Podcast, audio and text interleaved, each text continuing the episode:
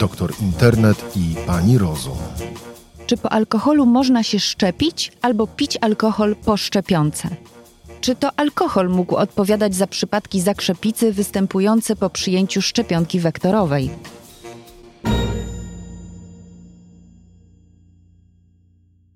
Czy po szczepieniu, przed szczepieniem, kilka godzin po nim można spożywać alkohol?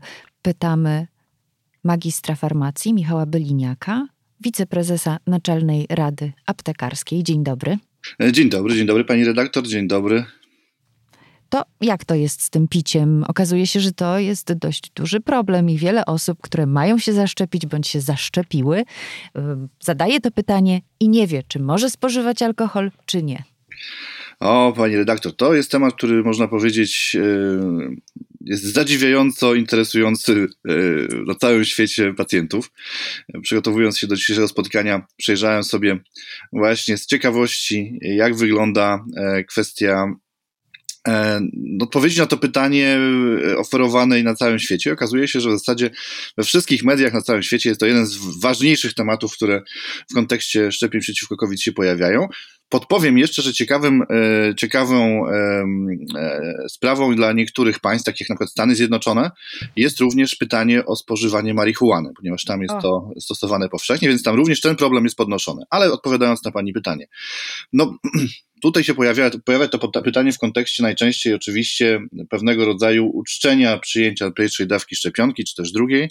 I pytanie, czy, czy można tą szczepionkę, czy można ten alkohol przyjmować, że właśnie można się e, napić e, wina, czy można napić się jakiegoś drinka. Mm, no i tutaj oczywiście odpowiedzi są, odpowiedź jest na to pytanie wbrew pozorom niezbyt łatwa. Znaczy, co do zasady, kiedy, kiedy e, zapoznamy się z doniesieniami naukowymi odnośnie wpływu alkoholu na mm, e, odporność, na tworzenie się właśnie mm, e, reakcji odpornościowej, produkcję przeciwciał, okazuje się, że co do zasady doniesienia naukowe mówią, że alkohol spożywany w niewielkich ilościach mm, nie ma negatywnego wpływu na tworzenie się odporności, czyli na, mówiąc krótko, mechanizm działania szczepionek. Odmienna, odmienna sytuacja jest, jeżeli chodzi o spożywanie dużych ilości alkoholu, czyli tak naprawdę większość ekspertów e, odpowiada na to pytanie, że kluczem jest tak naprawdę e, ilość tego alkoholu, który jest przyjmowany. I większość ekspertów e, stoi na stanowisku, to oczywiście odnośnie szczepionek przeciwko COVID-owi badań nie mamy. No to to jest w tym kierunku.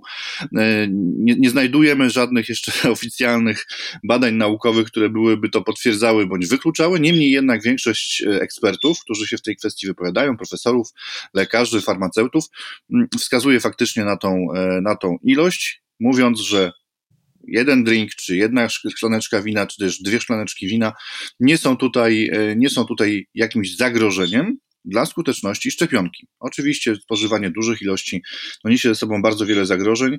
No i tutaj e, również mamy doniesienia naukowe pokazujące, że faktycznie jest tak, że u, u, tych pacjentów, którzy są uzależnieni, czy też przyjmują naprawdę duże ilości alkoholu, no ten mechanizm odpornościowy, czy w ogóle układ odpornościowy niestety jest w pewien sposób upośledzony.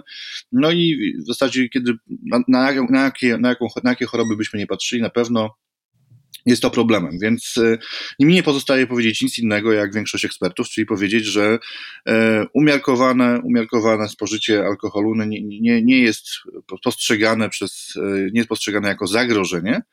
Należy jednak pamiętać o ważnej rzeczy, że mm, tak naprawdę rozmawiając o szczepionkach, musimy brać pod uwagę dwa aspekty. Pierwszy aspekt to jest aspekt związany ze skutecznością, czyli z tym, czy nam się te przeciwciała wytworzą w odpowiedniej ilości, czy to wszystko zagra. No i tak tu jak, tu jak powiedziałem, no w zasadzie większych, większych wątpliwości e, środowisko naukowe nie ma. Także tutaj nie ma powodów, żeby się tutaj specjalnie jakoś tym, tym martwić, ale należy zwrócić uwagę na to, że alkohol jest, e, co do zasady jest trucizną, co do zasady mm, e, poza tym swoim działaniem, które, które jest podstawą jego spożywania, ma wiele działań których, o których my sobie nie zdajemy sprawy. Tak naprawdę nie traktujemy alkoholu jako, jako lekarstwa, nie traktujemy alkoholu jako coś, co ma działania niepożądane, mimo tego, że ma ich mnóstwo.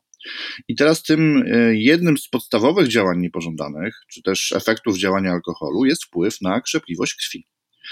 I teraz tutaj musimy się nad tym sekundkę zatrzymać, dlatego że no, w którymś momencie rozgorzała nam bardzo, tak bym powiedział, medialnie e, podgrzana dyskusja na temat e, efektów niepożądanych szczepionek wektorowych, czyli, e, czyli szczepionki firmy AstraZeneca i firmy Johnson Johnson, gdzie na całym świecie pojawiło się wiele wątpliwości i pojawiło się również w zapisach charakterystyk produktu leczniczego, czyli w dokumentacji, która stanowi no, podstawę do stosowania leku, w polu działania niepożądane pojawiły się właśnie e, możliwe, możliwe mm, e, przypadki zakrzepicy. I teraz, i teraz no, jakbyśmy na to nie patrzyli, no to musimy to brać pod uwagę. No, skoro alkohol wpływa na krzepliwość, skoro ma na nią wpływ, już niezależnie od tego, czy, czy w lewo, czy, czy zwiększając krzepliwość, czy zmniejszając. No właśnie, zmniejsza czy zwiększa? No tak, tak naprawdę co do zasady y, mamy przypadki y, występowania zakrzepicy po przyjęciu alkoholu, czyli ma, ma, ma wpływ, trzeba pamiętać o tym, że mechanizm krzepliwości jest mechanizmem bardzo skomplikowanym. Tutaj tak, tak, tak, że tak powiem, dyskusja na temat, y, dyskusja na temat tego, czy to jest tylko w lewo, tylko, tylko w prawo jest bardzo, bardzo, bardzo trudna. Niemniej jednak należy podkreślić, że e, alkohol jest czynnikiem e, wpływającym na, na, na możliwość wystąpienia e, zakrzepicy i może mieć wpływ skoro już, już mamy uznane, że takie przypadki mogą się zdarzyć, no to tak naprawdę no, przyjmując alkohol przed przyjęciem szczepionki, tuż przed przyjęciem, czy też po przyjęciu szczepionki, możemy doprowadzić do sytuacji, w której taki epizod zakrzepicy się pojawi, niekoniecznie związany ze, ze szczepionką, ale my będziemy potem tak o tym myśleć. Dlatego, no to do zasady, e, pomimo tego, że gdzieś tam, no i wiadomo, że alkohol jest przyjmowany przez miliony ludzi na całym świecie, codziennie, przez setki milionów ludzi.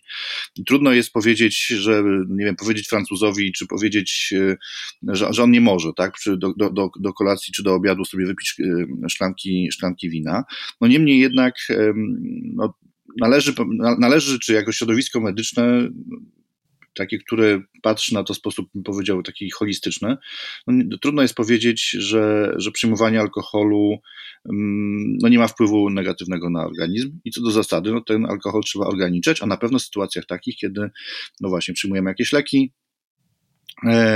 tudzież e, no właśnie szczepionki. Jeżeli chcemy, aby na 100% lek zadziałał e, tak, jak powinien zadziałać, szczepionka zadziałała tak, jak powinna, powinna zadziałać, żeby prawdopodobieństwo działań niepożądanych było minimalne, czy też zminimalizowane przez wykluczenie z dodatkowych czynników, no to powinniśmy się od tego alkoholu po prostu powstrzymać. Szczepionki to jedno, ale y, wiecznie żywy temat na przykład alkoholu a antybiotyki, alkohol a antybiotyki, czy alkohol a inne leki. Y, tutaj poproszę o, o wyjaśnienie, czy możemy pić alkohol przyjmując antybiotyki, czy możemy pić alkohol przyjmując na przykład y, środki y, takie przeciwgorączkowe, przeciwzapalne.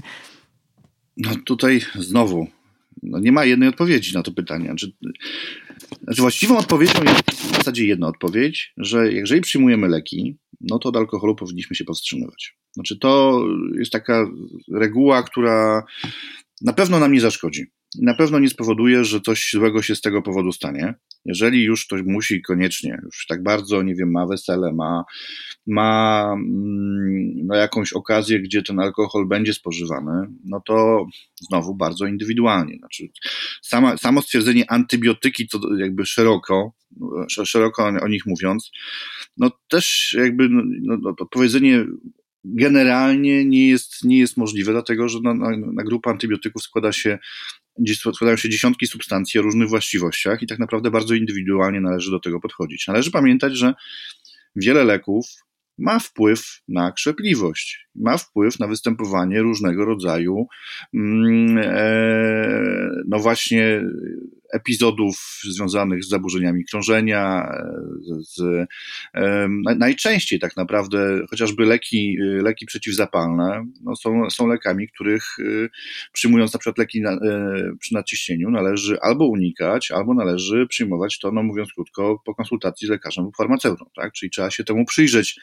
jakie leki przyjmujemy, E, jakie leki chcemy dodatkowo przyjmować, no to na przykład jest niezwykle istotne w przypadku kobiet, które przyjmują leki, leki antykoncepcyjne, czy środki antykoncepcyjne, tak, które znowu per se same mają wpływ na krzepliwość. Mówi się tak bardzo, nazwijmy to w sposób taki codzienny, że one zagęszczają krew. One oczywiście krwi nie zagęszczają, no niemniej jednak mają wpływ na krzepliwość, zwiększają krzepliwość krwi.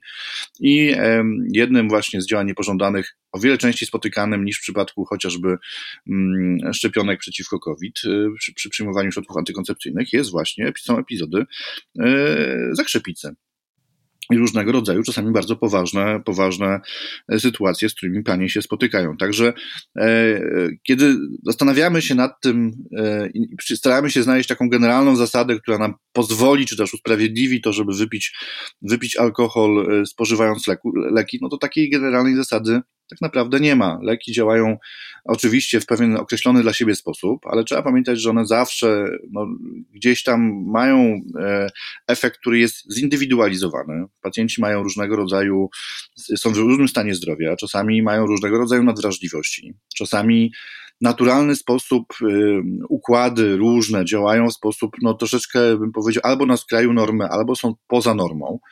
Y, bardzo często pacjenci o tym nie wiedzą, no i niestety dowiadują się o tym dopiero, kiedy zacznie, zacznie się coś złego dziać, a jest to zindukowane na przykład przez przyjęcie leku z alkoholem albo jakichś dwóch różnych leków, których wcześniej, o których wcześniej nie myśleliśmy.